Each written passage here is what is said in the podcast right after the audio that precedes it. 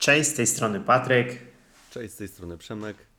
Witamy Was w kolejnym Fitkaście, w którym poruszymy sobie trochę bardziej luźną tematykę, a mianowicie sezon grillowy, jak sobie podejść do niego, bo wiem, że wiele osób dość mocno obawia się go, e, w szczególności właśnie alkoholu, jakichś tłustych potraw, ale my tutaj pokażemy Wam e, kilka takich drobnych wskazówek, które e, pomogą Wam przetrwać ten okres, a nie tyle co przetrwać, a przyjemnie go całkiem spędzić i jak nie zniwelować swoich efektów osiągniętych. Z jednej strony obawiają, z drugiej tak naprawdę utożsamiają ten e, czas, w zasadzie to wydarzenie z czymś, co może skutkować negatywnie na ich aspekt odżywiania codziennego, które sobie tutaj wypracowali, czy, czy niwelować ich e, efekty z treningów, które sobie tutaj wypracowali, więc, więc chcielibyśmy poruszyć ten temat od środka, skupić się na tym, na co warto zwrócić uwagę, jak tak naprawdę rzeczy, które na tym grillu się pojawiają, czyli wszelkiego rodzaju tłuste produkty, czy alkohol wpływają na nasze zdrowie i nasz, na, na nasz progres treningowy, więc chcielibyśmy omówić to od strony takiej z jednej, z jednej strony od, e, mentalnej, ale z drugiej też e, od strony badań, które tutaj pokazują to, jak e, sam alkohol, czy chociażby nasycone kwasy tłuszczowe obecne w wielu potrawach, które tu pojawiają się na grillu, mogą wpływać na nasze zdrowie, ale też oczywiście nie zakazywać, tylko gdzieś znaleźć tym wszystkim złoty środek, więc, więc podejdziemy do tego myślę troszeczkę tutaj merytorycznie, ale też tak bardziej życiowo i i z naszej perspektywy, jak może my do tego aspektu podchodzimy i jak w sposób racjonalny można to ogarnąć, żeby e, sobie czegoś nie zakazywać, a podejść do tematu, myślę, tutaj w zdrowy sposób. Więc co, Przemku, zaczynamy od e, chyba najbardziej e, poruszanego, najczęściej poruszanego tematu, jaki tutaj jest wokół imprez, no bo grilla możemy nazwać imprezą chyba, e, czyli alkohol, nie? E, Myślę, że tutaj alkohol będzie tym tematem nadrzędnym, który gdzieś tam się pojawia, jak ten alkohol wpływa na nasze zdrowie, a co ważniejsze, jak wpływa na nasz progres treningowy i, e, i nasz, nasze efekty, czy faktycznie wypicie jednego, dwóch, trzech piw może zniszczyć to, co sobie wypracowaliśmy na treningu. Chcesz zacząć, Przemku? Zacznę. No, oczywiście wiadomo, kierujemy To zaczynaj. y, temat o alkoholu, wiadomo, do starszej części, do pełnoletnich części odbiorców, bo wiemy też, że, też, że niepełnoletni nas obserwują, no ale może te wskazówki też przydadzą się tutaj na przyszłość, nie? E, No wiadomo, alkohol to jeden z najczęściej poruszanych tematów, które krążą właśnie w świecie fitness i często się mówi, że alkohol y, zabije całkiem twój progres. Niektórzy mówią, że samego alkoholu się nie tyje, że to przekąski jakieś do tego. E, No jasne, wiesz, y, tutaj spożycie alkoholu wiadomo, że w większości przypadków y, sprzyja y, ku temu, że mamy większe chrapki po prostu na inne rzeczy, nie? Wzmaga nam apetyt, dlatego mm, produkty wysokoenergetyczne, jakieś chipsy, orzeszki, e, czy różne przysmaki, mm, no wchodzą nam zdecydowa- zdecydowanie łatwiej, nie? Zawsze tak się utarło, wydaje mi się, że jakaś zagrycha do piwa, no musi być, nie? No ja w sumie pamiętam też kiedyś, jak jeszcze e, ten e, fitnessowy bardziej, no ten, lepszy tryb życia nie był mi tak e, znany i nie byłem z nim, nie polubiłem się z nim tak bardzo jak teraz. No to ja akurat byłem typem, że mm, wtedy skakałem, no to wiadomo, musiałem utrzymywać niską wagę, no to ja wybierałem tylko i wyłącznie alkohol, więc ja na imprezach starałem się nie jeść, a szczególnie wmawiałem sobie, sobie i innym, że po prostu nie jestem głodnym, a tak naprawdę to po prostu chciałem dość mocno ograniczyć kalorie i tylko właśnie y, na samym alkoholu tutaj y, opierałem się, czego oczywiście nie polecam, ale do tego też później się odniesiemy, nie? Y, 1 gram alkoholu to jest około 7 kalorii. Mm, To jest sumaryczna gęstość energetyczna, jest większa, y, jest większa od węglowodanów, nie? No bo przypomnijmy sobie, że 1 gram tłuszczu ma 9 kalorii, 1 gram białka ma 4 kalorie, 1 gram węglowodanów też ma 4 kalorie. E, Jak w ogóle alkohol wpływa na, y, w głównej mierze na poziom syntezy białek mięśniowych? E, No, jeżeli byśmy dostarczyli sam alkohol, no to wpływa to negatywnie, nie? E, Dlatego było fajne badanko. Tutaj mamy dwa badanka z 2014 roku. e, Autora Param pokazało, że dodanie e, dodatkowego białka do diety bądź e, do, dodatkowego białka do diety i trening mogą znieść lekko negatywne skutki spożycia alkoholu. Zawsze lepiej pójść w kombinację spożycie porządnego posiłku z białkiem i możecie trenować ten dzień, aczkolwiek nie polecamy, jeżeli później jest jakaś zakrapiana impreza wieczorem. E, W jednym badanku gdzieś widziałem na Instagramie, to też ostatnio na TikToku mówiłem, m, były pokazane chyba cztery słupki. E, Jak wygląda poziom syntezy białek mięśniowych na czczo, e, po alkoholu, alkohol plus białko, alkohol plus białko plus trening. No to wiadomo, że. mm, Aha, jeszcze był białko plus trening. No to wiadomo, że białko plus trening najlepiej wypadało. Największy był poziom syntezy białek mięśniowych. E, alkohol z białkiem i z treningiem no było już trochę niżej. E, alkohol plus białko też było trochę niżej i poziom na czczo był nisko, a wiadomo, sam alkohol no, był poniżej tej granicy, nie? Także e, tam mogło nawet dojść do proteolizy.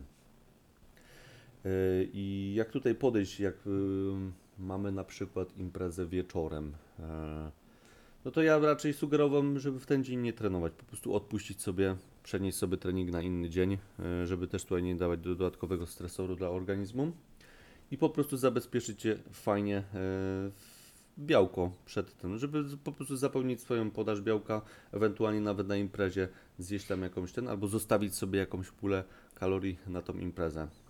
Co ty myślisz, Patryk? E, Myślę, że jak najbardziej tak. Raczej tutaj sam trening, już nawet nie, nie mówię o treningu po alkoholu, jakby tutaj, chociaż w internecie krążyły No różne, e, różne filmiki. E, Natomiast jak najbardziej, no sam alkohol w sobie, już pomijając to, że wpływa właśnie na tutaj syntezę białek mięśniowych, no to sam aspekt regeneracyjny, no to wyobraźmy sobie dzień kolejny, no bo mówisz, że w dzień, dzień gdzie w dzień imprezy nie warto pić, oczywiście, y, czy nie warto trenować. E, oczywiście tak, natomiast też pamiętać w, o tym, że dzień po imprezie też ten trening może być troszeczkę gorszy e, i nasz sam performance na treningu będzie spadał. Wszystko w zależności jest też od tego, ile tego alkoholu spożyjecie, bo oczywiście jeśli mówimy o e, jednym, dwóch, trzech piwach, no to jeszcze może nie być to aż, aż tak duży wydźwięk na naszym organizmie, natomiast jeśli już z tym alkoholem lecimy troszeczkę wyżej i ilość etanolu, jaką dostarczamy do naszego organizmu jest dość duża, E, Jak tutaj wykazało też inne badanie, to już się podeprę właśnie badaniem z 2019 roku e, autorstwa Nemani Lakijcewicza. E, Wartość pół grama na kilogram, e, co w przeliczeniu to są już trzy piwa, dawała widoczne efekty związane z podbiciem kortyzolu i zmniejszeniem syntezy białek mięśniowych. Oczywiście to nie jest tak, że jedno, dwa piwa nie ma żadnego wydźwięku na naszym organizmie, bo nadal to jest alkohol, który dostarczamy dla naszego ciała, a alkohol sam w sobie jest po prostu dla ciała trucizną i zadaniem naszego ciała jest to, żeby jak najszybciej się go pozbyć i, i po prostu oczyścić nasz, e, nasz organizm. Natomiast tu właśnie pokazuje fajnie, że wartości powyżej właśnie w przeliczeniu na piwa trzech, czterech, to już są wartości, które mają znaczący wydźwięk dla naszego progresu treningowego.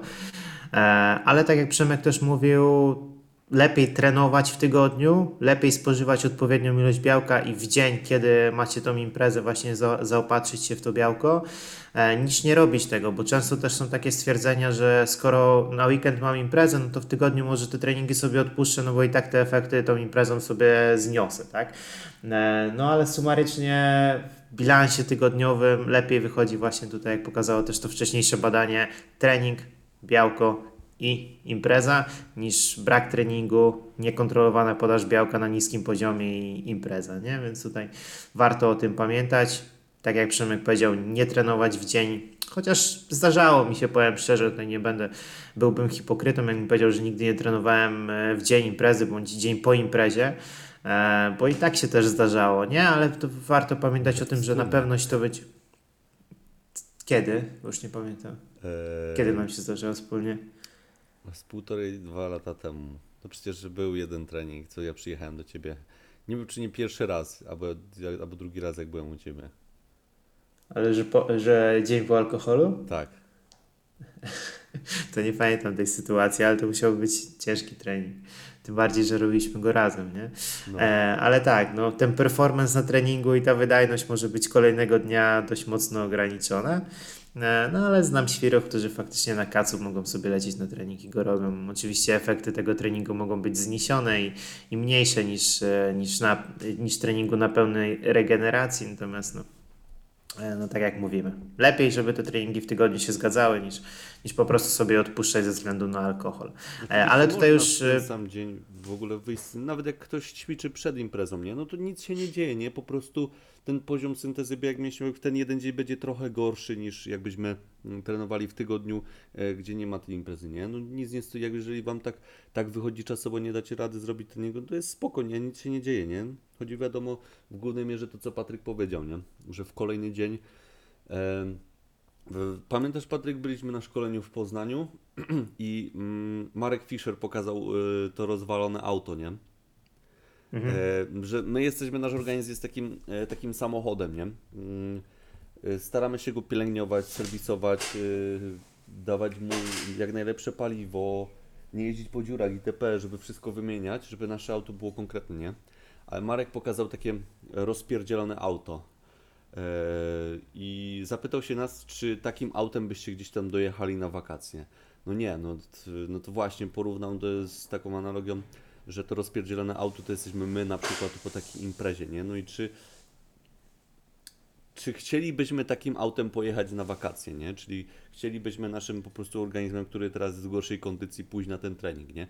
Gdzie z tego treningu faktycznie nie wyciągniemy e, tyle, ile byśmy mogli, poprzez to, że wiadomo, jesteśmy jeszcze ogłuszeni alkoholem, e, jesteśmy odwodnieni, wypłukani e, z witamin i minerałów, niedożywieni, niedożywieni pod tym kątem, że po prostu w kolejny dzień e, wypłukaliśmy się z witamin i minerałów, raczej to, z- to żywienie nie było takie, jak być powinno, nie? Więc tutaj mówimy o takim lekkim niedożywieniu, nie? To czy chcielibyśmy, czy jest w ogóle sens iść na ten trening po prostu dla psychiki, nie? Jeżeli ktoś potrzebuje pójść się po prostu poruszać, to jest spoko, nie ma żadnego problemu, nie? Ale jeżeli ktoś chce pójść na ten trening, żeby zmaksymalizować osiągane efekty, no to według mnie to jest bez sensu i lepiej sobie dychnąć ten jeden dzień i w pełni się zregenerować, nawodnić, odżywić i w kolejny dzień przypierdzielić mocno trening. Tu też jest mocno uzależnione tak naprawdę od specyfiki danego treningu, które mamy w planie, no bo jeśli ktoś ma w planie zrobić tylko i wyłącznie cardio, no to, to nie widzę najmniejszego problemu, że sobie poszedł nawet na spacer, żeby nie musiał iść się męczyć na za, za e, nieprzewietrzonej siłowni, żeby jeszcze tutaj potęgować sobie ten efekt kaca, e, bo, bo nie będzie to przyjemne, tylko wyjść sobie na spacer, odpocząć, zrobić większą ilość kroków i się zregenerować tutaj aktywnie.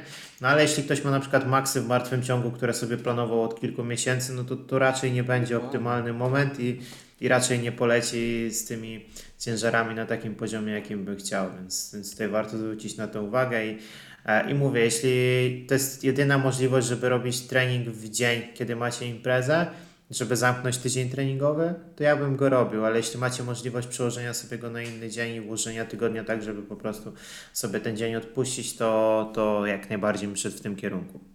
Jeszcze jedną rzecz tutaj dodam. To już nie chodzi o sam performance tego treningu po alkoholu, e, tylko nasz organizm w większości składa się z wody, a mięśnie to już w ogóle. Jeżeli my jesteśmy odwodnieni po takim treningu, wypłukani z wartości odżywczych, nasz układ nerwowy też y, nie funkcjonuje dobrze i te impulsy nerwowe nie będą przechodzić tak, jak powinny być. No to wiadomo, że jeżeli nasz, nasz mięsień jest odwodniony, to jest troszkę bardziej teoretycznie wysuszony, nie? Taki mięsień jest zdecydowanie bardziej podatny na kontuzję. Także jeżeli ktoś naprawdę po grubym chlaniu pójdzie na imprezę, no to no, no ma trochę głupy, chciałbym powiedzieć, nasrane w głowie, nie? No bo taka osoba no zdecydowanie no naraża się tutaj na bardzo duże ryzyko kontuzji, nie? Tu już nie chodzi o jakieś kurde, bo jeszcze pójdzie i będzie się chwalił jakimiś wielkimi ciężarami. Wiecie, tu nie chodzi o to, żeby szpanować, kurde, że jeszcze po alkoholu możesz iść na trening, że tak to nie, niektórzy coache motywacyjnie pokazują, a nieważne, nie ma żadnych wymówek, co z tego, że zachlałeś, trzeba iść na trening. No nie, no bez przesady, nie? Jeżeli jesteś odwodniony, twój mięsień jest, y, jest y, doszło do utraty pewnej, pewnego procentu wody, no to sorry, no ale jesteś debilem, no bo tylko narażasz się, wiesz, na, na jakąś kontuzję, nie? A wiem, że są, wiem, że były gdzieś jakieś takie tacy kulturyści, którzy namawiali, że nawet po imprezie idą na trening, nie? Niech się pierdzielnie w łeb, bo pójdą, ludzie pójdą... Też na- warto sobie, warto sobie rozgraniczyć osobę, która trenuje rekreacyjnie, która jest po prostu zawodnikiem i ma do wykonania jakiś plan, no bo jeśli ja byłbym zawodnikiem i wiedziałbym, że mam na przykład za jakiś czas zawody, to z jednej strony bym zrezygnował z alkoholu, no ale jeśli już bym faktycznie się podjął tego, e, żeby pójść na taką imprezę i spożyć ten alkohol, no to też starałbym się zrobić wszystko, żeby ten plan tygodniowy zrealizować, więc podejrzewam, że też rano bym siadał na rowerek, robił cardio, a później szedł na trening siłowy, ale, ale właśnie rozgraniczmy sobie osoby, które robią to zawodowo i które mają w tym jakiś cel, bądź jest, e, e, jest gdzieś tam na horyzoncie jakiś występ, który mają. A osoby, które trenują rekreacyjnie i dla których ten jeden dzień w planie przełożenia sobie czegoś no nie wpłynie na ich cały rozrachunek danego miesiąca, nie? Szczególnie kiedy na przykład y, taka osoba sobie odpuściła kilka treningów wcześniej, a nie ze względu na imprezę, tylko po prostu, bo jej się nie chciało iść. No to jeśli teraz nie pójdziesz ten jeden raz, no to to nie jest coś tak nadzwyczajnego, co się nigdy nie wydarzyło i nagle zepsuje twój cały harmonogram e, życia i treningu, więc czasami warto po prostu odpuścić i nie iść na siłę i się żyłować, bo, bo mamy jakąś chorą ambicję, którą musimy zrealizować, tylko troszeczkę dać upust tym emocjom, zluzować, mówię, spędzić aktywnie ten dzień, co ważniejsze, nie budować sobie jakichś wyrzutów sumienia, które tam będą się nawarstwiać poprzez większą ilość kalorii, która też pewnie się pojawi, e, ale i przez sam alkohol, który też jest takim właśnie czynnikiem zapalnym w kontekście właśnie tych wyrzutów sumienia, bo sami pewnie wiecie, jak to jest na następny dzień, jak się wypije troszeczkę więcej, wtedy mamy złote myśli na temat tego, że Nigdy więcej już alkoholu nie dotkniemy. Każdy wie, jak to się kończy, bo finalnie zwyczaj kończy się to na kolejnej imprezie, która gdzieś tam się na horyzoncie pojawia. E, więc, więc po prostu trzeba przejść do porządku dziennego, zregenerować się, dać organizmowi czas na złapanie energii i, i tyle. Nie? Nie, nie, nie bodźcować go tutaj kolejnym stresem, którym jest po prostu trening siłowy, no bo trening siłowy to jest dość spory stresor dla organizmu. Więc, po wczorajszym stresorze dokładanie mu kolejnego to, to jest już e, mordęga dla naszego ciała i układu nerwowego. No ale ty tam jeszcze to powiem właśnie jak ty powiedziałeś o tej osobie, która ma, jest zawodnikiem, ma jakiś plan do zrealizowania, nie? No powiedziałeś, że wstaniesz, wstaniesz rano, zrobisz cardio teoretycznie, wypocisz e, ten syf, który masz w sobie teoretycznie. Odpowiednio się nawodnisz, odpowiednio się odżywisz i cały dzień po prostu będzie wyglądał, normalnie. No to jeżeli ogarniesz to wszystko tak i pójdziesz wieczorem na ten trening, nie? gdzie już jesteś odżywiony, odpowiednio nawodniony, już wróciłeś do normy, no to nie będzie tak, takie złe porównaniu jak ktoś mm, wraca z imprezy o 3-4 nad ranem, a o, go, o, godzinie, o godzinie 9 już leci na siłkę, nie? To, już by było tak nie bardzo. To wszystko też zależy od specyfiki wieczoru, no bo wiadomo, jeśli ktoś e, zapił się do nieprzytomności, no to zupełnie inny Nie, no będzie ok- okres rekonwalescencji, nie? Ale no, jeśli mówimy- o osobie, która kulturalnie wypija sobie dwa, trzy drinki, czy, A, czy whisky jakąś małej tego. ilości, no to, to, to, no to nie będzie źle, nie? Podejrzewam, że następnego dnia w ogóle nie odczujecie tego a, i będziecie mogli spokojnie sobie śmigać. Znam więc przypadki, To, to wszystko które- oddawki. Które już po jednym pisie miały kaca na kolejny dzień. Czy daleko szukać nie trzeba, bo tak naprawdę ja wypiję dwa piwa i już mam imprezę na całą noc, więc, więc generalnie e, nie piję alkoholu już dawno. Nie dlatego, że mam sobą głowę, po prostu nie lubię go. E, jakoś nie jest mi potrzebny do życia. No ale jak zdarzało mi się pić kiedyś więcej, no to, to faktycznie duża ilość alkoholu była po prostu dla mnie zabójstwem. E, no i prowadziła do zazwyczaj e, bardzo długiej rekonwalescencji. No kolejny dzień miałem wyłączony z życia, mówiąc krótko. No i dlatego przychodzimy Wam tutaj z takim remedium, nie? Na ten alkohol. E, lepsze rozwiązanie, czyli piwko zero. Teraz nawet wino zero jest, bo gdzieś tam, e, gdzieś już nawet testowałem. No i ogólnie wiele osób się tu będzie śmiać, nie? Wrzuciłem nawet na TikToka mm, filmik. O, mm, jestem zaskoczony, bo ponad połowa komentarzy to było, że są za i sami nawet piją piwo zero, nie? No ale oczywiście było też dosyć spo, spore grono komentarzy, że jak to piwo zero, nie? Że ktoś tam nawet porównał, że to jest tak jakby, mm, e, jakby lizać, y, jakby jeść cukierka w papierku, nie? Czy lizaka w papierku, coś takiego, nie? Kurde, no mm, powiem wam tak, ry, rynek piw zero, bo ja też sam jeszcze pracuję w branży spożywczej w sklepie. No powiem wam, że teraz jest kosmos, nie? Ile jest tych piw zero, ile tego wychodzi, nie? Praktycznie każda marka ma jakieś kilka rodzajów swojego piwa zero i to nie jest już tak jak kiedyś. Mm, Pamiętam jakby mały chyba, od kogoś spró- spróbowałem, no mały, no 12, 13, 14 lat. To kiedyś to był sik, można powiedzieć, to piwo, nie? No tego się nie dało pić za bardzo. E, A teraz te piwka zero, powiem Wam, że one są naprawdę mega smakowo i czasem jak po prostu wezmę sobie łyka od żony, normalnego, bo ona sobie wypije, spróbować, a porównam to ze swoim zero, no to smakowo poza tym, że ten posmak alkoholu y, nie ma go w nim, one nie odbiegają praktycznie w ogóle, nie? Także są na, naprawdę smakowo, są, są kozackie. No nie, ty chyba Patryk też potwierdzisz, nie? Że są, jest kilka rodzajów, które petarda smakują, nie? Problem jest taki, że podejrzewam, że wiele osób, które krytykuje piwo zero, próbowało je kilka lat temu, kiedy faktycznie te piwa smakowały po prostu jak rozwodnione piwo o smaku delikatnie wody. Natomiast od tego czasu dużo się zmieniło, przynajmniej ja widzę, że, że rynek piw zero poszedł do przodu i tych, wybór tego wszystkiego jest naprawdę ogromny. Jakby zupełnie to piwo nie odbiega w tym momencie smakiem od alkoholowego, w takim znaczeniu, że bardzo podobny jest ten taki posmak piwa, natomiast bez tej takiej goryczy alkoholu, nie? Dla mnie to jest na przykład pozytywne, no bo ja ni- właśnie w piwie nie lubiłem tej goryczy alkoholu, która gdzieś tam mnie drażniła. Teraz to piwo jest przyjemne, e, czasami słodkie, jak sobie weźmiesz jakieś smakowe, chociaż e, właśnie warto zwrócić uwagę na to, e, że piwa smakowe mają wyższą kaloryczność niż piwa bezsmakowe, to jakby to jest rzecz nadrzędna. No i też warto zwrócić uwagę na to, że no, piwa zero to nie są piwa zero kalorii, bo czasami też się zdarza tak, że ktoś mi pisze, że piwo zero to nie ma kalorii. No nie, to chodzi o to, że nie ma alkoholu, tak? Tak jakby tu sobie musimy jasno powiedzieć. Natomiast warto zwrócić uwagę na to, że piwo zero ma zazwyczaj 50% kalorii mniej niż zwykłe piwo klasyczne. E, I po prostu można wypić dwa razy tyle samo piwa zero, co e, piwa klasycznego i dostarczymy tą samą gęstość energetyczną. Oczywiście bez tych negatywnych skutków, które idą tutaj za, za spożyciem alkoholu, więc, więc to jest na pewno na dużą, dużą korzyść, bo takie jedno piwko półlitrowe ma praktycznie 100 kilokalorii, czasami nawet się zdarza, że 80, więc, e, więc naprawdę mało. Około 80. Możliwe, wiesz, zdarza się, że te smakowe mają około 150, ale to i tak jest mniej niż zwykłe klasyczne piwo, bo zwykłe klasyczne piwo ma około 200 chyba z tego co kojarzę. E, więc, więc, więc dość sporo. Trzy piwa i tak naprawdę mamy jeden w miarę już taki ogarnięty posiłek. I ogólnie warto, 600 warto spróbować, polecamy Wam tutaj ten. I to tak nawet to jest tak, możemy taką ciekawostkę dać, zanim przejdziemy tutaj do samych wartości prozdrowotnych piwa, to tak, z takich topek, co ja bym mógł Wam polecić, no to właśnie tego Heinekena. Lech ostatnio całkiem fajnie smakuje. E, z takich smakowych, e, jak ktoś ma Kauflanda niedaleko, jest taki Revolta Green Tea IPA. No powiem Wam, że to, to jest tak dobre, że ja potrafiłbym to wypić na łykanie. I ostatnio w, wyrzucałem na story u siebie y, książęce złote pszeniczne, też zerówka, też jest sztos, takie 9, 9,5 na 10, nie?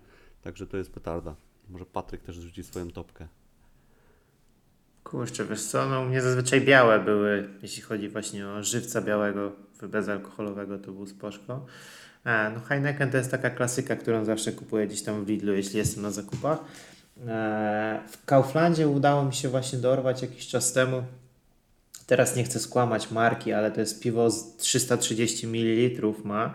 E, one są takie małe. Też jest Bawaria bezalkoholowe. Jest tak... Mm, Nie, jak? Bawaria chyba.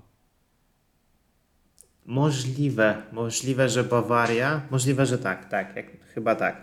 I ono jest bardzo fajne, bo jest takie lekko słodkawe i ono mi też podchodziło, więc zdecydowanie też bym je tutaj wrzucił w topkę i, e, i czasami mi się zdarza, że właśnie po nie sobie gdzieś tam śmigam do Kauflandu. I takie kraftowe, nie? Kormoran, Miłosław. E, No im, im piwo nie jest takie mniej, mniej markowe, tym mm, no mniej markowe. Mniej taka jest popularna marka, nie? Bardziej takie krafty pojedynczych miastach, miejscach y, są, no to tym smakowo no, jest coraz lepiej. Także ogólnie polecam, jak ktoś się napierdziela z Was, to że pijecie piwo zero, no to weźcie mu tak, jak kiedyś się spotkacie, nie?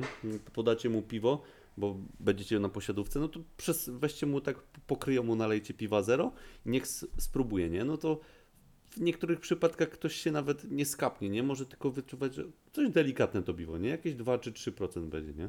A tak no to jeżeli chodzi pod kątem smokowym, no to się nawet nie skapnie. Później możecie go zaskoczyć. Dokładnie tak. No już do samych wartości prozdrowotnych piwa też nie będziemy tego przeciągać. No to oczywiście ma mniej kalorii, nie? Standardowe piwo e, pełne ma między 200 a 300 kalorii w zależności, w zależności od rodzaju, a piwo zero bezsmakowe ma w granicach 80 do 100, a smakowe w 100 do 150, przeważnie około 130 mają, nie? Także kaloryczność jest dużo, dużo lepsza, nie? Wypij mm, trzy normalne piwa, które średnio będą mieć 250 kalorii, to już masz 700, a wypij trzy piwka zero, no to masz już 300, masz około 300, czy nawet mniej, nie? E, No, działalność prozdrowotna ze względu na brak e, alkoholów e, zawartego w nim, czyli wyciągamy całą dobroć z piwa, całą dobroć, wszystkie y, dobre wartości piwa y, i zostawiamy je w jednym trunku bez alkoholu, który ne negatywnie zawsze wpływa na nasz organizm. Bardzo dobrze nawadnia, mo- może być fajnym źródłem węglowodanów prostów, prostych po treningu i w diecie lub nawet w trakcie treningu, bo piwo e, bezalkoholowe bardzo dobrze nawadnia. Zawiera przeciwutleniacze, może zwiększyć gęstość mineralną kości, zawiera sporo witamin i minerałów, pomaga zasnąć. Wyciąg z chmielu naprawdę dla osób, które mają delikatny problem z zaśnięciem, włączenie sobie takiego piwka zero przed snem może być, może być zbawieniem. I zmniejsza ryzyko chorób sercowo-naczyniowych. Tutaj takie dwa badanka Trius Solera i współpracowników z 2020 roku i Osorio Paza też z 2020 roku fajnie pokazują właśnie porównanie, jaki jest wpływ na nasz organizm piwa alkoholowego i bezalkoholowego i jakie w ogóle właściwości prozdrowotne mają te trunki. No, ja, ja nigdy jeszcze dopowiadając właśnie, bo wspomniałeś o piwie na treningu, nigdy jeszcze nie miałem psychy, żeby to zrobić. Nawet już pomijając aspekt, żeby wziąć w ogóle w butelce czy w puszce, e, żeby wziąć sobie na przykład do shakera, no bo jednak gdzieś tam psychologicznie ten zapach piwa, przynajmniej u mnie tak w głowie, no tak mam zatożsamione, że jednak nie zgrywa się z aspektem treningowym. Znaczy jakbym popijał sobie piwo zero, to moja psychika by mi gdzieś tam próbowała przekazać podprogowo, że, e, że jednak to nie gra ze sobą. Oczywiście gra, no bo jakby tutaj aspekt ten jest, jest jakby udowodniony, jakby to nie ma z czym dyskutować, ale jednak psychologicznie, przynajmniej ja, tak może to jest głupie, ale tak, tak mam, że, że jednak psychologicznie nie byłbym w stanie chyba się przełamać do tego, żeby spożyć sobie tutaj w trakcie treningu. Bardziej chyba już bym zjadł jakiś posiłek prosty na treningu niż, niż gdzieś tam rzucił piwo, ale to tylko i wyłącznie takie moje, moje, moje zboczenie małe.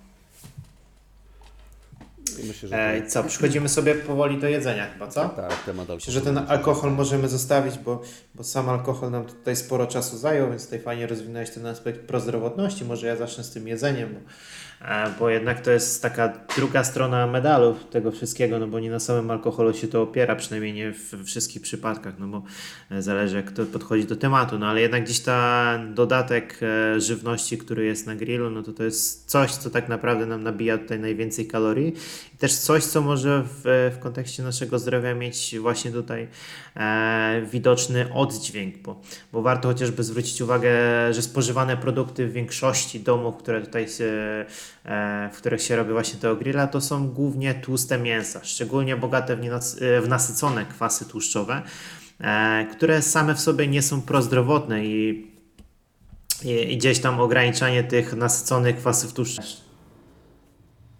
Coś Przemku Cię przerwało, przepraszam. Co? Nie, nie. Wszystko to- dobrze? Słucha, słuchawki mi poszły. Wszystko.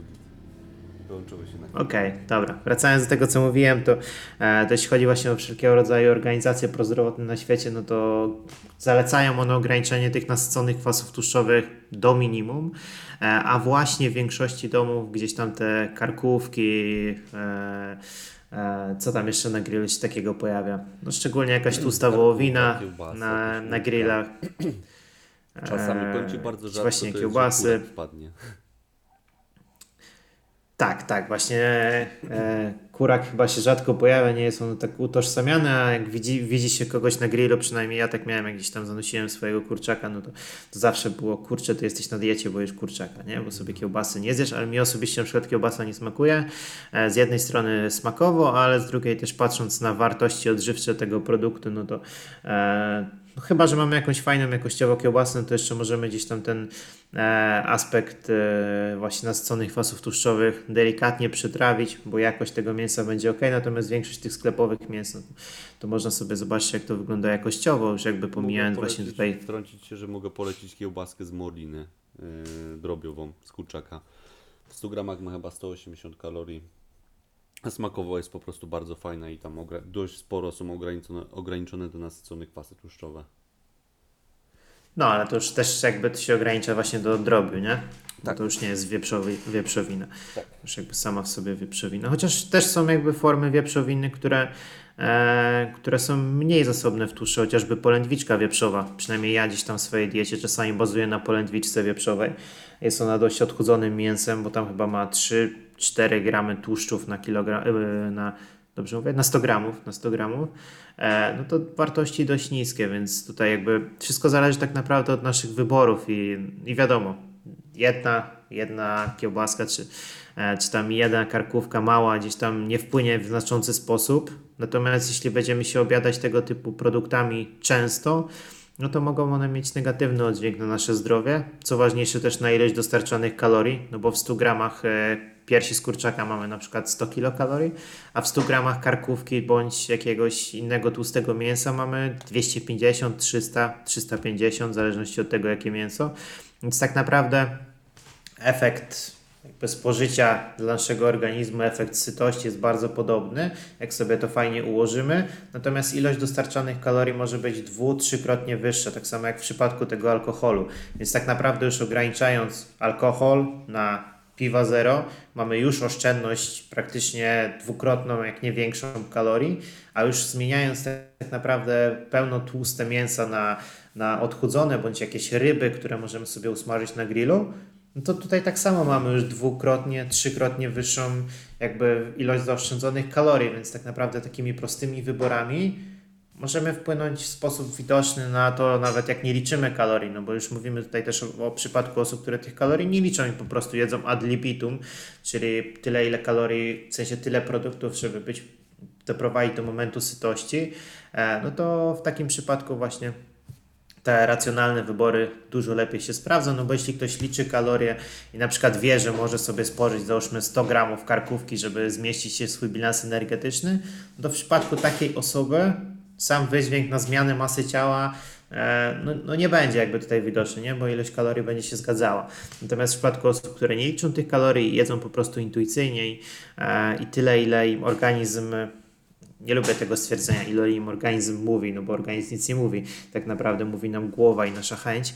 E, tyle, ile tak po prostu mamy ochotę, no to takim osobom łatwiej jest wtedy się nie wstrzelić w nadwyżkę energetyczną, jeśli te wybory żywieniowe są troszeczkę bardziej racjonalne. E, I tutaj a propos tych tłuszczy nasyconych, e, akurat mam przed sobą bardzo fajne badanie. Dlaczego my tak mocno demonizujemy te tłuszcze nasycone? Dlaczego mówimy, żeby opierać się o tłuszcze nienasycone? Szczególnie jeżeli jesteśmy w okresie masowym. E, Praca rozkwista i, i współpracowników z 2014 roku. Mm, 39 zdrowych osób podzielonych na dwie grupy. Jedna konsumowała muffinki bogate w tłuszcze nasycone, olej palmowy, podczas gdy druga otrzymywała słodycze bogate w tłuszcze nienasycone, olej słonecznikowy. Uczestnicy, uczestnicy prowadzili protokół żywieniowy, który spowodował przyrost masy ciała w obu grupach. Surplus energetyczny to był. Co ciekawe, zanotowano jednak duże różnice w przyroście poszczególnych komponentów e, ciała między grupami. Podczas gdy uczestnicy, y, uczestnicy spożywający tłuszcze nasycone zyska, zyskali przede wszystkim tkankę tłuszczową, grupa tłuszczów, niena, y, grupa tłuszczów nienasyconych zyska, zyskała w większości beztłuszczową masę ciała. I tutaj takie porównanie. Y, Ci, co mm, jedli w głównej mierze tłuszcze nasycone, wzrost beztłuszczowej masy ciała był 0,31 kg, wzrost tkanki tłuszczowej był 1,1 kg, a w grupie tłuszczy nienasyconych wzrost beztłuszczowej masy ciała było 0,86 kg, a wzrost tłuszczu był 0,54 kg, czyli ponad dwukrotnie większa ilość beztłuszczowej masy ciała kosztem o połowę mniej tkanki tłuszczowej. Yy, oczywiście to jest bardzo fajna praca, mm, w której różnice, w której różnice wykryte badaniu produkowane są przede wszystkim mm, negatiwnemu wpływowi nasyconych kwasów tłuszczowych na wrażliwość insulinową tkanki mięśniowej. Nasycone kwasy tłuszczowe usztywniają błony komórkowe, co powoduje mm, utrudnioną translokację transporterów glukozy. Wskutek tego większa część energii kierowana jest do komórek tłuszczowych, które cechują się większą wrażliwością insulinową. Zmiany w parcelacji energii są zatem przyczyną magazynowania jej w różnych komponentach tworzących masę ciała. Yy, I to jest właśnie to, dlaczego my tak demonizujemy te nas- nasycone kwasy- tłuszczowe? W tym badanku właśnie, mimo tego, że mm, bardzo wiele osób posługuje się terminem beztłuszczowa masa ciała, nie do końca wiedząc y, o co właściwie w tym wszystkim chodzi, nie? No bo utożsamiają mnie dosyć mocno z y, tkanką mięśniową, nie?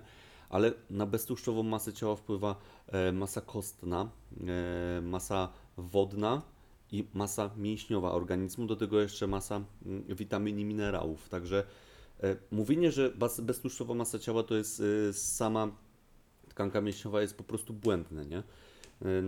Dlatego w tym badaniu, mimo tego, że masa mięśniowa jest dla nas najważniejsza, tu pokazuje jasno, że surplus był identyczny w obydwu grupach. Przyrost masy y, tłuszczowej był o połowę mniejszy, a wzrost beztłuszczowej masy ciała był ponad dwukrotnie większy. To nie znaczy, że masa mięśniowej była ponad dwukrotnie więcej, bo mogło też innych komponentów być więcej, ale daje to fajną przesłankę do tego, że prawdopodobnie mogło być tam więcej masy mięśniowej, nie? Także jest jeszcze sporo takich badanek na ten temat, ale właśnie tutaj to jest, to jest dosyć mocne, dosyć mocna korelacja pomiędzy nas, nasyconymi kwasami tłuszczowymi, a właśnie ilością zbudowanej masy mięśniowej, czy w ogóle zdrowiem kardiometabolicznym.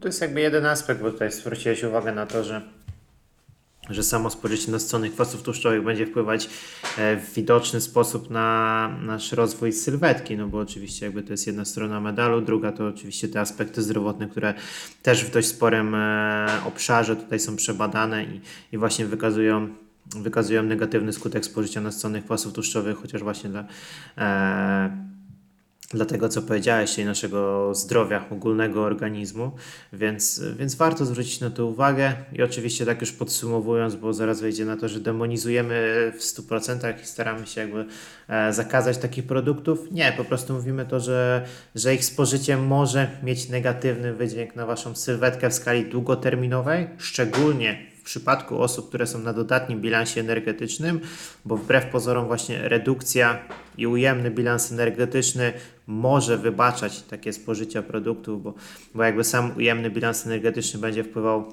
pozytywnie na to, na kompozycję naszego ciała w kontekście właśnie redukcji tkanki tłuszczowej. E, Natomiast w okresie masowym, kiedy rozbudowujemy sobie tą sylwetkę i zależy nam na jak najlepszym stosunku przyrostu tkanki mięśniowej do tkanki tłuszczowej, wtedy lepiej sobie tego stosunku po prostu nie psuć, chociażby właśnie spożyciem, regularnym spożyciem takich e, produktów bogatych w nasycone kwasy tłuszczowe. No chyba, że ktoś jest taki, na takim poziomie, że nie jest w stanie sobie odmówić tego jednego razu, no to oczywiście jak najbardziej może, ale oczywiście z głową i, i z zachowaniem pewnych proporcji, bo, bo mówię, wszystko tak naprawdę zależy od dawki i jeśli potrafimy w sposób racjonalny sobie za, e, zapewnić to, żeby te produkty pojawiały się sporadycznie w ilości racjonalnej, no to, to jesteśmy w stanie jakby to przetrawić. Natomiast jeśli, jeśli ktoś codziennie w domu na obiad je karkówkę e, i do tego sobie jeszcze na grilla wrzuca jakąś tłustą kiełbasę czy, czy coś innego, no to wtedy to już jakby w bilansie sumarycznym będzie miało naprawdę dość spory wydźwięk. Już pomijając jakby tutaj aspekt sylwetkowy, to, to na nasze samo zdrowie. E, dobra, My przechodząc myślę, że Tutaj, tak zakończyć. My kierując Mhm. się tutaj właśnie No. tym mm, lepszym stylem żywienia, tym wszystkim, my nigdy nie mówimy, że powinien coś wyrzucić, my tylko mówimy, że warto by było coś ograniczyć w diecie. Także tutaj, żebyście rozróżnili te dwie rzeczy. Nie jest tak, że ich nie, wo- nie wolno jeść. Jedzcie ze smakiem, jeżeli lubicie, tylko warto po prostu ograniczyć, po prostu z przyczyn zdrowotnych. Tak, dokładnie. Jakby tutaj mówimy swoją, czy swoją, naszą najlepszą drogę, którą jakby podpierają badania i którą jesteśmy w stanie udowodnić. Natomiast jakby każdy co z tym zrobi, to już jego sprawa. No ale wiadomo, że jakby na końcu każdej naszej wypowiedzi e, jest ten aspekt właśnie ilości i tego, że wszystko zależy tak naprawdę od dawki, bo, bo mówiąc, że nasycone kwasy tłuszczowe są złe, no to oczywiście im większa dawka, tym będą bardziej złe, nie? Więc tutaj warto sobie to rozgraniczyć i nie demonizować, bo ludzie mają tendencję do tego, że lubią bardzo często właśnie wrzucać coś do worka zakazane bądź dozwolone. Problemem jest to, że, że ludzie po prostu w pewnych produktów sobie zakazują i tak jest chociażby z alkoholem. Jeśli ktoś przechodzi, w cudzysłowie, przechodzi na dietę, to rezygnuje chociażby z alkoholu, jakby tego alkoholu nie spożywał w ogóle. No i wiadomo, jak się to kończy. Po krótkim okresie czasu taka osoba po prostu rezygnuje ze swoich postanowień, bo nie jest w stanie ich utrzymać. E, no ale właśnie tutaj najważniejszą najważniejszym elementem jest znalezienie sobie tego złotego balansu i zaczynając dbać o swoje wybory żywieniowe, stara, starać się zadbać o to, żeby te negatywne produkty w naszej diecie pojawiały się rzadziej, a nie żeby sobie ich zakazywać i, e, i mówić, że na przykład e, raz na miesiąc zjem, ale wtedy zjem już tyle, że po prostu będę miał dość na kolejne trzy miesiące. No, staraj się to jeść, ale umiejscowić to w diecie w racjonalnej ilości. To myślę, że takie podsumowanie tego, co powiedzieliśmy. Bardzo dobre podsumowanko.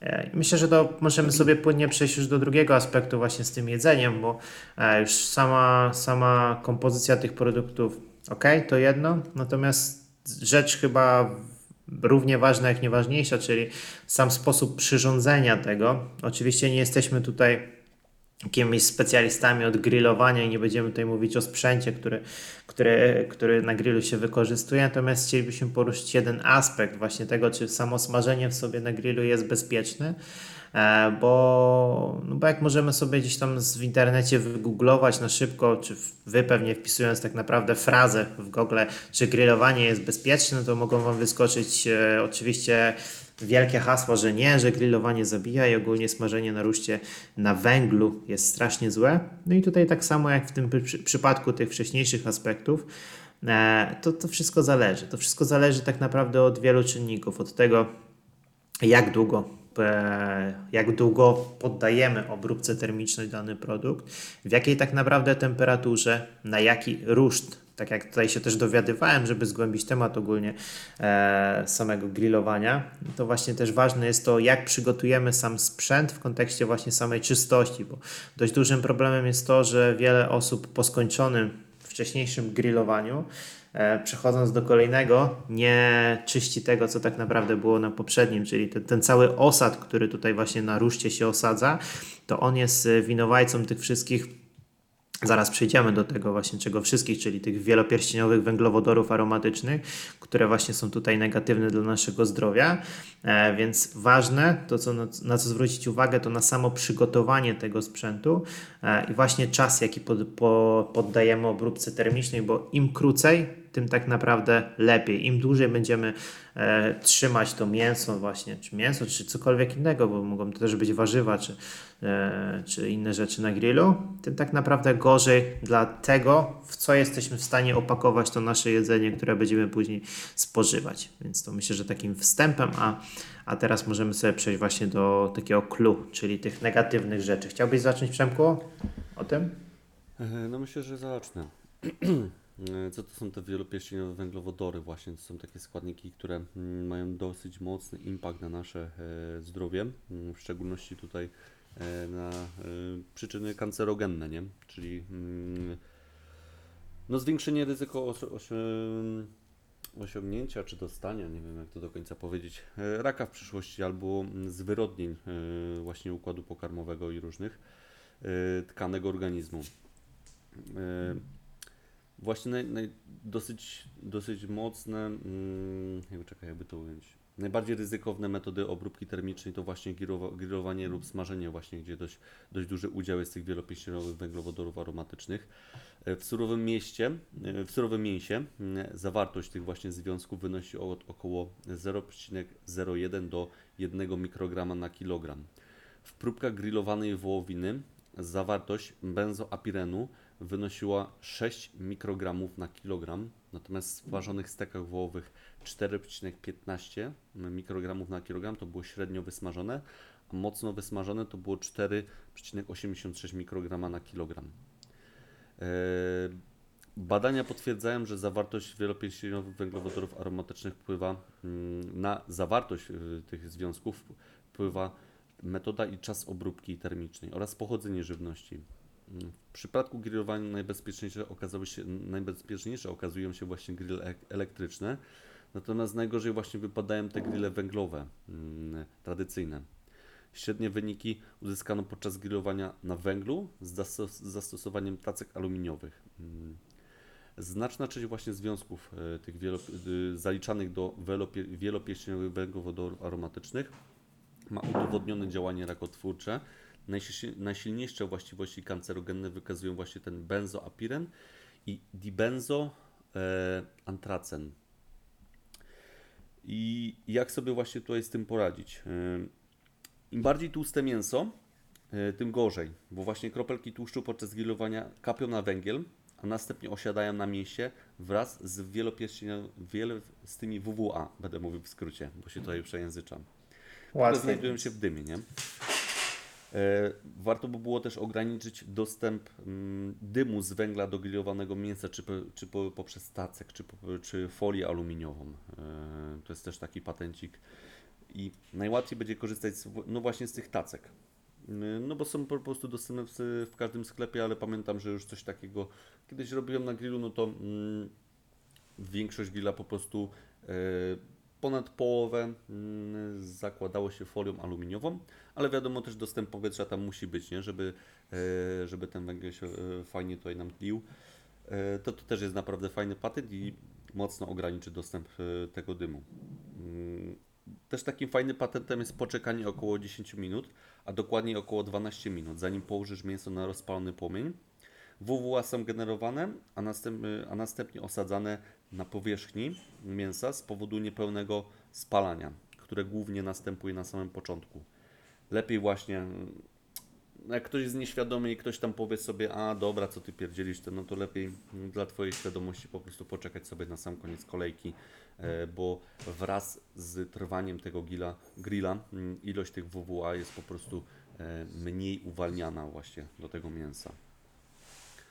No oczywiście wiadomo, są też jakieś e, grille z wentylacją, można było zainwestować, które mm, dosyć mocno e, zmniejszają zawartość tych WWA.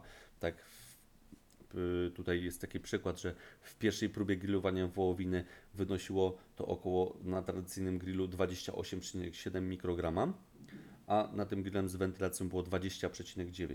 W drugiej próbie, czyli podczas drugiego grillowania, wynosiło 16,9 y, z mm, grillem tradycyjnym, a 5,6 plus minus e, wynosiło z grillem z wentylacją, także tu jest bardzo duża różnica. A w trzeciej próbie, czyli podczas trzeciego, trzeciej porcji mięsa grillowania mm, w, na grillu tradycyjnym było 10,9 mikrogramów, a na grillu z wentylacją było 3,8, czyli ktoś poczekał te głupie 10 minut.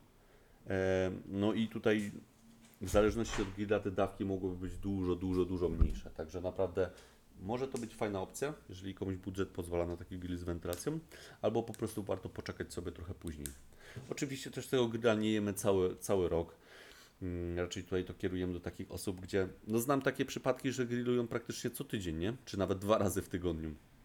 Także tam, tam już może być problem, ale jeżeli ktoś idzie na tego grilla raz w miesiącu, dwa razy w miesiącu, no to tam nie widzę większego problemu, no ale podajemy takie protipy po prostu jak zmniejszyć to ryzyko e, wchłonięcia dużej ilości tych związków rakotwórczych. No to też warto zwrócić uwagę na cały rok, no bo jeśli mówimy o osobach, które się racjonalnie odżywiają, które dbają o swoje zdrowie i nie narażają się właśnie na, na przyjmowanie większych dawek tych WWA w skali roku, to jest ok, ten raz na jakiś czas ten grill nie będzie tutaj zabójczy, że tak już tutaj w cudzysłowie ujmę. Natomiast jeśli mówimy chociażby o osobie, która na przykład codziennie wypala paczkę fajek, no to taka osoba sama jakby w sobie już na co dzień dostarcza sobie naprawdę kosmiczne dawki tych, tych związków chemicznych, a później jeszcze na końcu właśnie idzie sobie na grilla i przy grillu wypala na przykład trzy fajki i zjada sobie kiełbasę, która leżała godzinę na grillu, to to jest dawka naprawdę kosmiczna, jakby tutaj już wchodzić w wartości, to to jest bardzo dużo.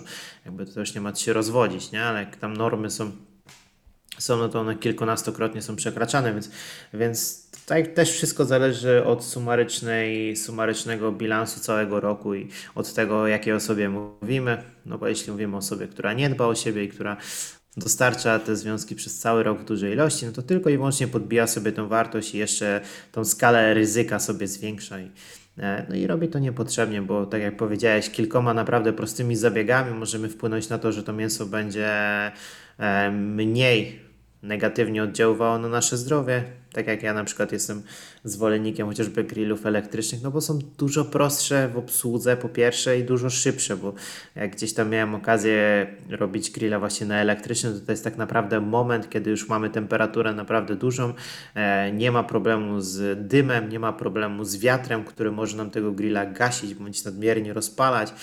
E, też często możecie sobie się zobaczyć, jak na przykład mamy grilla węglowego, jak ktoś tam e, ma na przykład zbyt duży ogień i podlewa tego grilla wodą, z tego grilla się wydobywa milion dymu, który osadza się później na naszym jedzeniu i, e, no i wygląda to nie za ciekawie i nie za apetycznie. Więc tutaj grill elektryczny to na pewno jest fajne rozwiązanie, które już pomijając aspekty zdrowotne, po prostu ułatwia dużo sprawy e, i nie trzeba się babrać z tym wszystkim, pamiętać o węglu, tylko raz na jakiś czas uzupełnić sobie butlę gazową i mamy problem z głowy.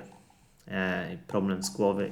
Myślę, że temat też. Myślę, że tutaj nie ma co się rozwodzić, bo nie jesteśmy chemikami, ale chcieli właśnie, chcielibyśmy, żebyście właśnie zwrócili uwagę na ten aspekt zdrowotny e, już po tym, po tym aspekcie właśnie nasyconych kwasów tłuszczowych, to także na te wielopierścieniowe węglowodory aromatyczne. Wiem, że ta nazwa jest dość, e, dość egzotyczna, ale po prostu pamiętajcie o tym, że im dłużej, im jakby tutaj stopień dymienia, czyli przejście na grille klasyczne, e, tym gorzej tak naprawdę, więc starajcie się niwelować tą skalę ryzyka do, do minimum. Coś jeszcze Przemku do tego tematu? Mi się wydaje, że już Nie, myślę, wyczerpane. Ten, ten temat też jest wyczerpany, no i w sumie została taka końcówka. Końcóweczka nam została, to ja może zacznę, co? No, dawaj, dawaj.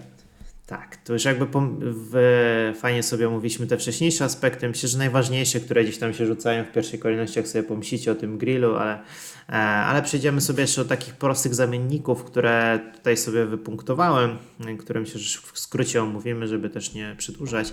E, to, to kalorie, które w łatwy sposób możecie zaoszczędzić, albo kalorie w, w produktach, które się najłatwiej nabija, bezsensownie uważam, bo wiele osób spożywa niektóre produkty, które można w prosty sposób na przykład zamienić chociażby wszelkiego rodzaju gotowe sosy do dań.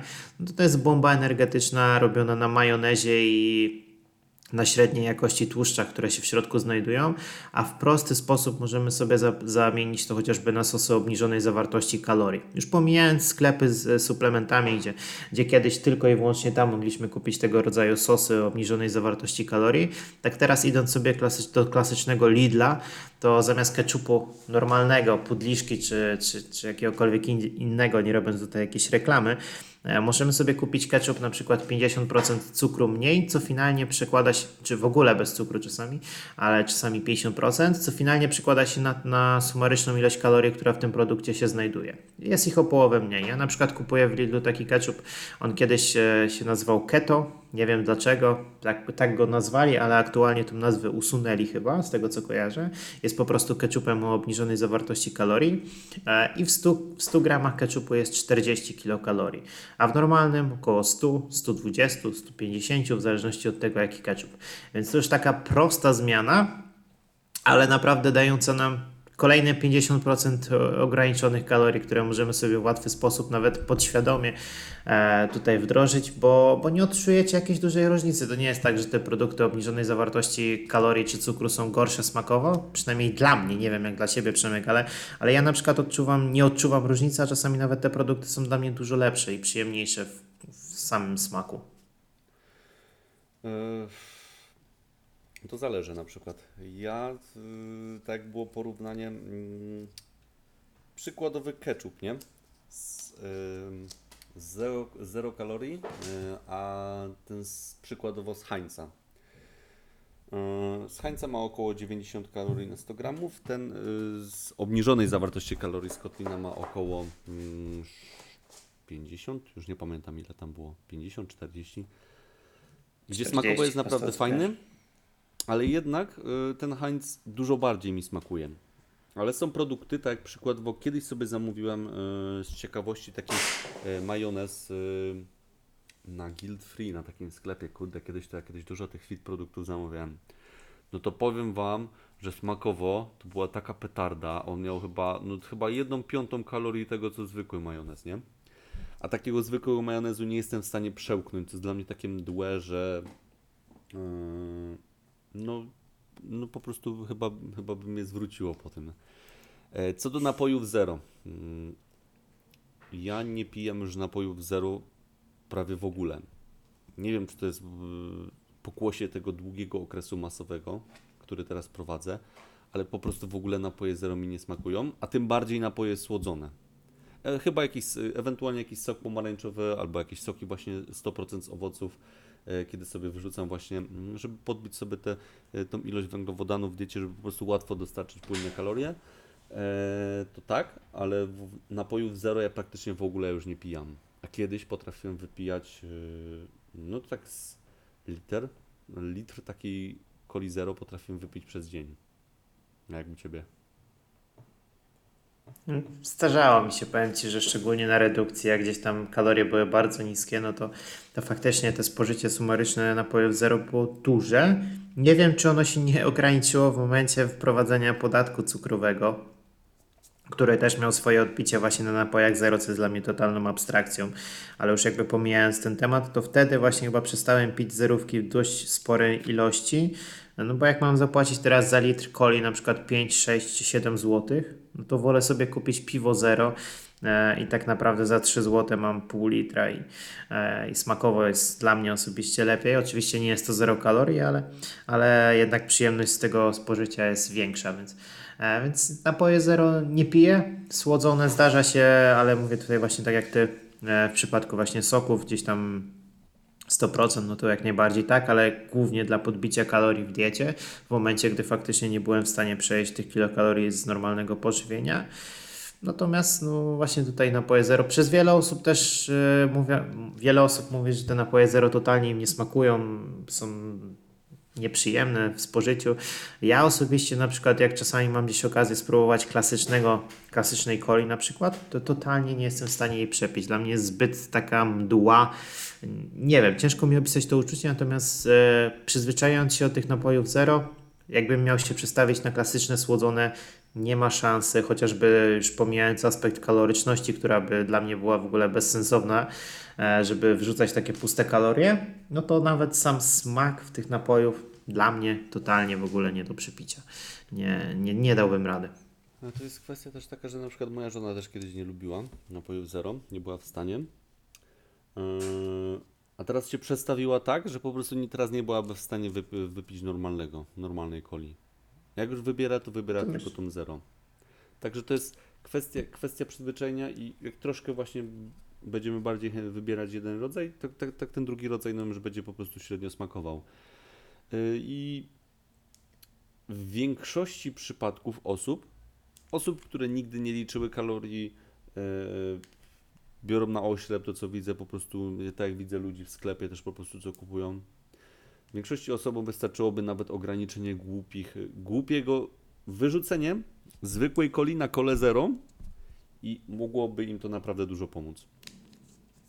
Takie odnoszę To wrażenie. jest tak naprawdę niektórzy- malutka, malutka zmiana. nie, niektórzy przepijają, no mogę ci powiedzieć, tak jak moja żona, która kiedyś miała problem, y, bo wypijała naprawdę dużo coli przez dzień. E, no z 700-800 kalorii dziennie przepijała, spokojnie. No to tak, tak bez sensu. A nie? jeszcze- No, coś, coś, co praktycznie nie dawało jej żadnego uczucia sytości ani nic, nie? Praktycznie z Już nawet pomijając uczu- uczucie sytości, bo tak naprawdę to nie dawało żadnej przyjemności, no bo jeszcze jak wiesz, ktoś spożywa alkohol, no to jestem w stanie sobie zrozumieć, że spożywa ten alkohol po to, żeby później mieć pewne skutki, które ze spożyciem alkoholu są, są po prostu.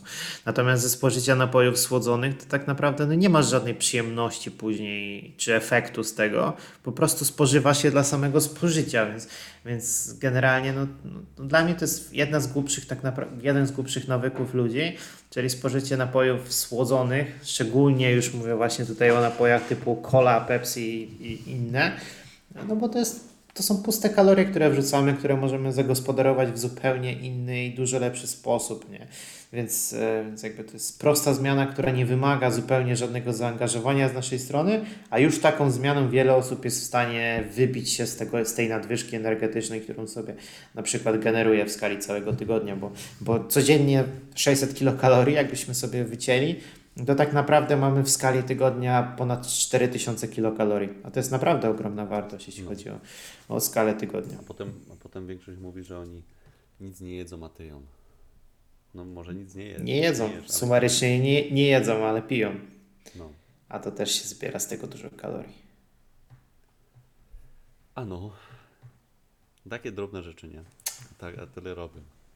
Taka niepozorna. Od tego trzeba, od tego trzeba zaczynać tak naprawdę, bo wiele ludzi chce przemodelowywać swój styl żywienia, styl życia, przerzucać wszystko do góry nogami, a tak naprawdę te podstawy, naprawdę totalne podstawy, czyli wyjście na spacer, ograniczenie napojów słodzonych, e, no to, to są takie rzeczy, które już naprawdę mogą dać nam ten duży pierwszy krok na początku, który, który już zainicjuje te zmiany, a te zmiany później napędzą nas do kolejnych zmian. Więc to, to nie wymaga dużo zaangażowania. Uważam, że taka zmiana dla osoby, która nic w życiu nie robiła, która, która tak naprawdę zaczyna dopiero swoją przygodę i, i chociażby jest osobą otyłą, to, to takie proste tipy są w 100% wystarczające na samym początku. A ktoś na przykład, nie wiem, ogranicza pieczywo, wyrzuca makarony, nagle gluten jest zły, to uważam, że wtedy to podejście już jest złe. No bo to podejście zabija tak naprawdę przyjemność, a przyjemności nie zabije tej osobie ograniczenie napojów słodzonych. No nie oszukujmy się, no to, ale że to... jest takie coś się podoba, nie? Ogranicz gluten, albo nie jedz pieczywa, nie jedz ziemniaków, to poradzisz sobie ze wszystkimi swoimi problemami, schudniesz. A to niestety tak nie jest, nie? Jakby ktoś właśnie takie proste rzeczy, troszkę więcej warzyw i owoców, wywalić napoje słodzone, troszkę mniej nasyconych, bardziej chud, więcej chudych produktów, no to powiem Wam, że kurde, tyle osób by nie miało problemu z tym wszystkim, nie? Zero problemu z efektem jojo, takie coś, tylko po prostu tak, od takich drobnych zmian za, zacząć, nie? No, ale jak, jak wiesz, to drobne zmiany się tak bardzo nie sprzedają. Najlepiej się sprzedają spektakularne metamorfozy swojej diety i eliminacji wielu produktów. To jest, to jest najbardziej chodli, chodliwy temat. No, ale to Czyli już, taki po to już prostu, myślę, że temat powiedzieć- podcast. Im bardzo pojebany model, im bardziej pojebany model żywienia wymyślisz, tym, y, tym lepiej się to sprzeda. O. O, tak jeszcze wtrącając, w ogóle to jest abstrakcyjna sytuacja, ale teraz mi się przypomniało. E, nie wiem, czy ta osoba będzie słuchać. Jeśli tak, to, to pozdrawiam serdecznie. Ostatnio dostałem taką informację na Instagramie, wiadomość prywatną od osoby, która nie chcę teraz skłamać, jak ta dieta się nazywała, ale chyba dieta koreańska. Nie chcę cię skłamać teraz, czy to była dieta koreańska, czy to dieta japońska, nie wiem, mniejsza o to, ale chodzi o, o dietę tamtych regionów, czyli jakaś e, japońska, bądź koreańska, bądź chińska. E, I ta osoba napisała, że e, spożywa w ciągu dnia, uwaga, na obiad je sushi, a na inne, na inne posiłki produkty, które gdzieś tam właśnie nawiązują do e, diety tamtych regionów. Natomiast jakby to nie jest sam finał tej sytuacji, bo finałem tej sytuacji jest to, że, e, że ta osoba wysłała mi zdjęcia e, zdjęcia właśnie sylwetek, czyli kobiet tamtego pochodzenia, czyli koreańskiej bądź japońskiej, właśnie urody. No i pisała, że przez, przez to, że będzie spożywać taką dietę, czyli tam produkty, które są właśnie tamtego pochodzenia, no to finalnie ona chciałaby uzyskać taką sylwetkę jak osoby tam żyjące. No to troszeczkę mnie to rozbawiło, no bo jednak tak to nie działa, nie? Ale zobacz, jak ludzie, ludzie potrafią utożsamić sobie pewien model żywieniowy z jakimś swoim celem w głowie, czyli na przykład ktoś powie najpierw chcesz schudnąć 20 kilo, no to przejdź na przykład na dietę keto. Koniec, jakby nic więcej Ci nie interesuje, tak? Wiesz, że masz ograniczyć węglowodany, spożywać e, te, takie i takie produkty i, e, i zakazać sobie czegoś, nie? Ale kiedyś wrócisz na przykład do tego makaronu, no ale no to to jest nic tak naprawdę nas ta sytuacja nie uczy. Uczy nas tylko kolejnych zakazów i kolejnych negatywnych tutaj restrykcji związanych z dietą, a, a nie o to w tym wszystkim chodzi. Zawsze to będę powtarzał. Mm, No ja byłem w, e, tak jakby w Japonii trzy razy. E, No to ja wiem, że po prostu ich styl żywienia o, opiewa o no wyso, wysokowęglowodanowy styl żywienia. No można powiedzieć typowy high carb i naprawdę mają bardzo dużo produktów chudych. Są też e, rzeczy tłustsze jak w tempurze, coś takiego, ale zdecydowana większość właśnie polega na mm, wysokim na modelu żywienia wysokowęglowodanowy, niskotłuszczowy i bardzo chude, chude pokarmy i produkty. I też sporo warzyw jedzą, nie? Także można powiedzieć, że taka klasyka, jaką my tutaj, wiesz, proponujemy, przeważnie, e, ale te, e, oni się bardzo dużo rusza, ruszają. Mm, nawet osoby, które pracują, mm, można powiedzieć, siedząco, one bardzo dużo wykonują ruchów, e, mają przerwy między y, w pracy, że mają po prostu obowiązkowe obowiązkową przerwę, w którą muszą wstać, poruszać się i iść się zrelaksować, po prostu rozchodzić się, przewietrzyć się, nie? Że przykładowo robi dwie godziny czy trzy, pauza w pracy, wstają sprzed kąpa i idą na spacer, nie? Takie osoby się po prostu bardzo dużo ruszają. Yy, śmiem stwierdzić, że takie, że osoby w Japonii, z tego co zauważyłem, yy, mają bardzo wysoki NIT, czyli tą spontaniczną aktywność, bo są bardzo ekspresyjni, bardzo lubią gestykulować, bardzo wiele yy, rzeczy właśnie gestykulują, pokazują. Yy, I, i, i no i tu mi się wydaje, że jest całe clue tego wszystkiego, że są po prostu osoby aktywne, które bazują, bazują na modelu wysokowęglowodanowym, który również sprzyja e, podbijaniu tej aktywności i trzymaniu tego nitu wysoko, nie? Także jako sam styl żywienia e, japoński na przykład jest, jest spoko. No ja na przykład bardzo lubię, bardzo lubiłem ich kuchnię, bardzo lubię sushi i właśnie e, takie i właśnie potrawy mm, z ich rodzimej kuchni. No ale żeby jakoś utożsamiać no, ich, z, że ktoś chce wyglądać tak jak oni, no tu też trzeba warto zwrócić uwagę, że ci oni są dosyć niscy są. Że to jest po prostu e, taka kultura, takie, takie geny tam są, że oni są po prostu dosyć niscy.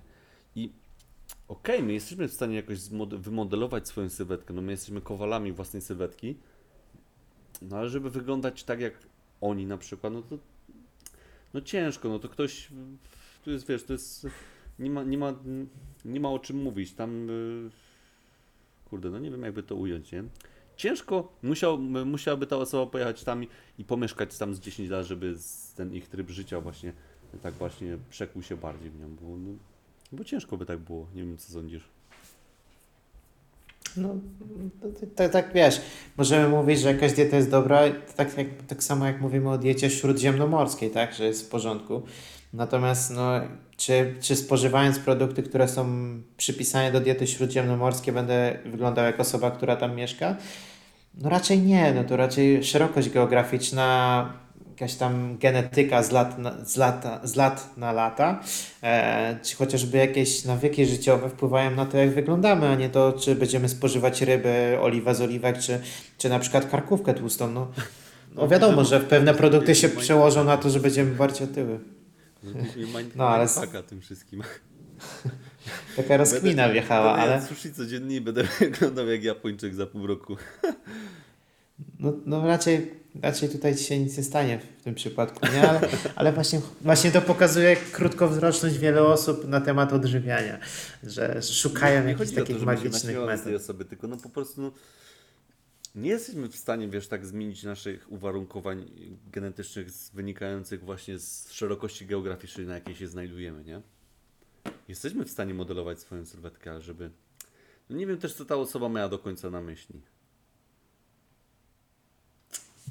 No nie wiem, ale no, no nieważne, to było takie małe, małe wtrącenie.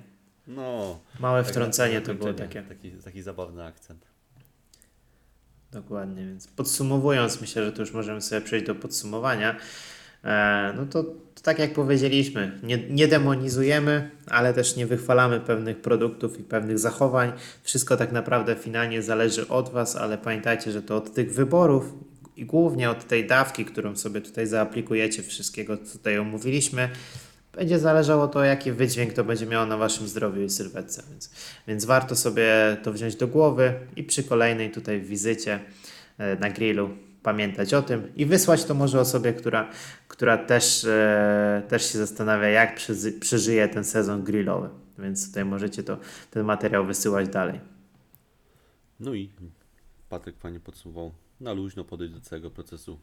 Nie macie się bać tym grillem, tylko macie po prostu tam iść, iść ze świadomością, może podrzucić innym garstkę protipów Może innym się też to spodoba i te grille po prostu z natury będą później ciut inaczej wyglądać, trochę w lepszym stylu. Bo tu nie chodzi o to, tu nie chodzi o ograniczenie siebie, tu po prostu chodzi o to, o zadbanie o siebie, żeby mm, uchronić Was po prostu przed jakimiś różnymi chorobami, żeby po prostu wasze, Wasze życie kondycyjnie lepiej wyglądało. O. Jeżeli wiadomo, tak przeważnie 100% to była jakaś karku, karkuwa kiełbasa na grillu kiedyś, tak może za pół roku mm, to będzie 50-50, nie? 50 y, właśnie tłustszych produktów, a 50 właśnie chudszych, nie?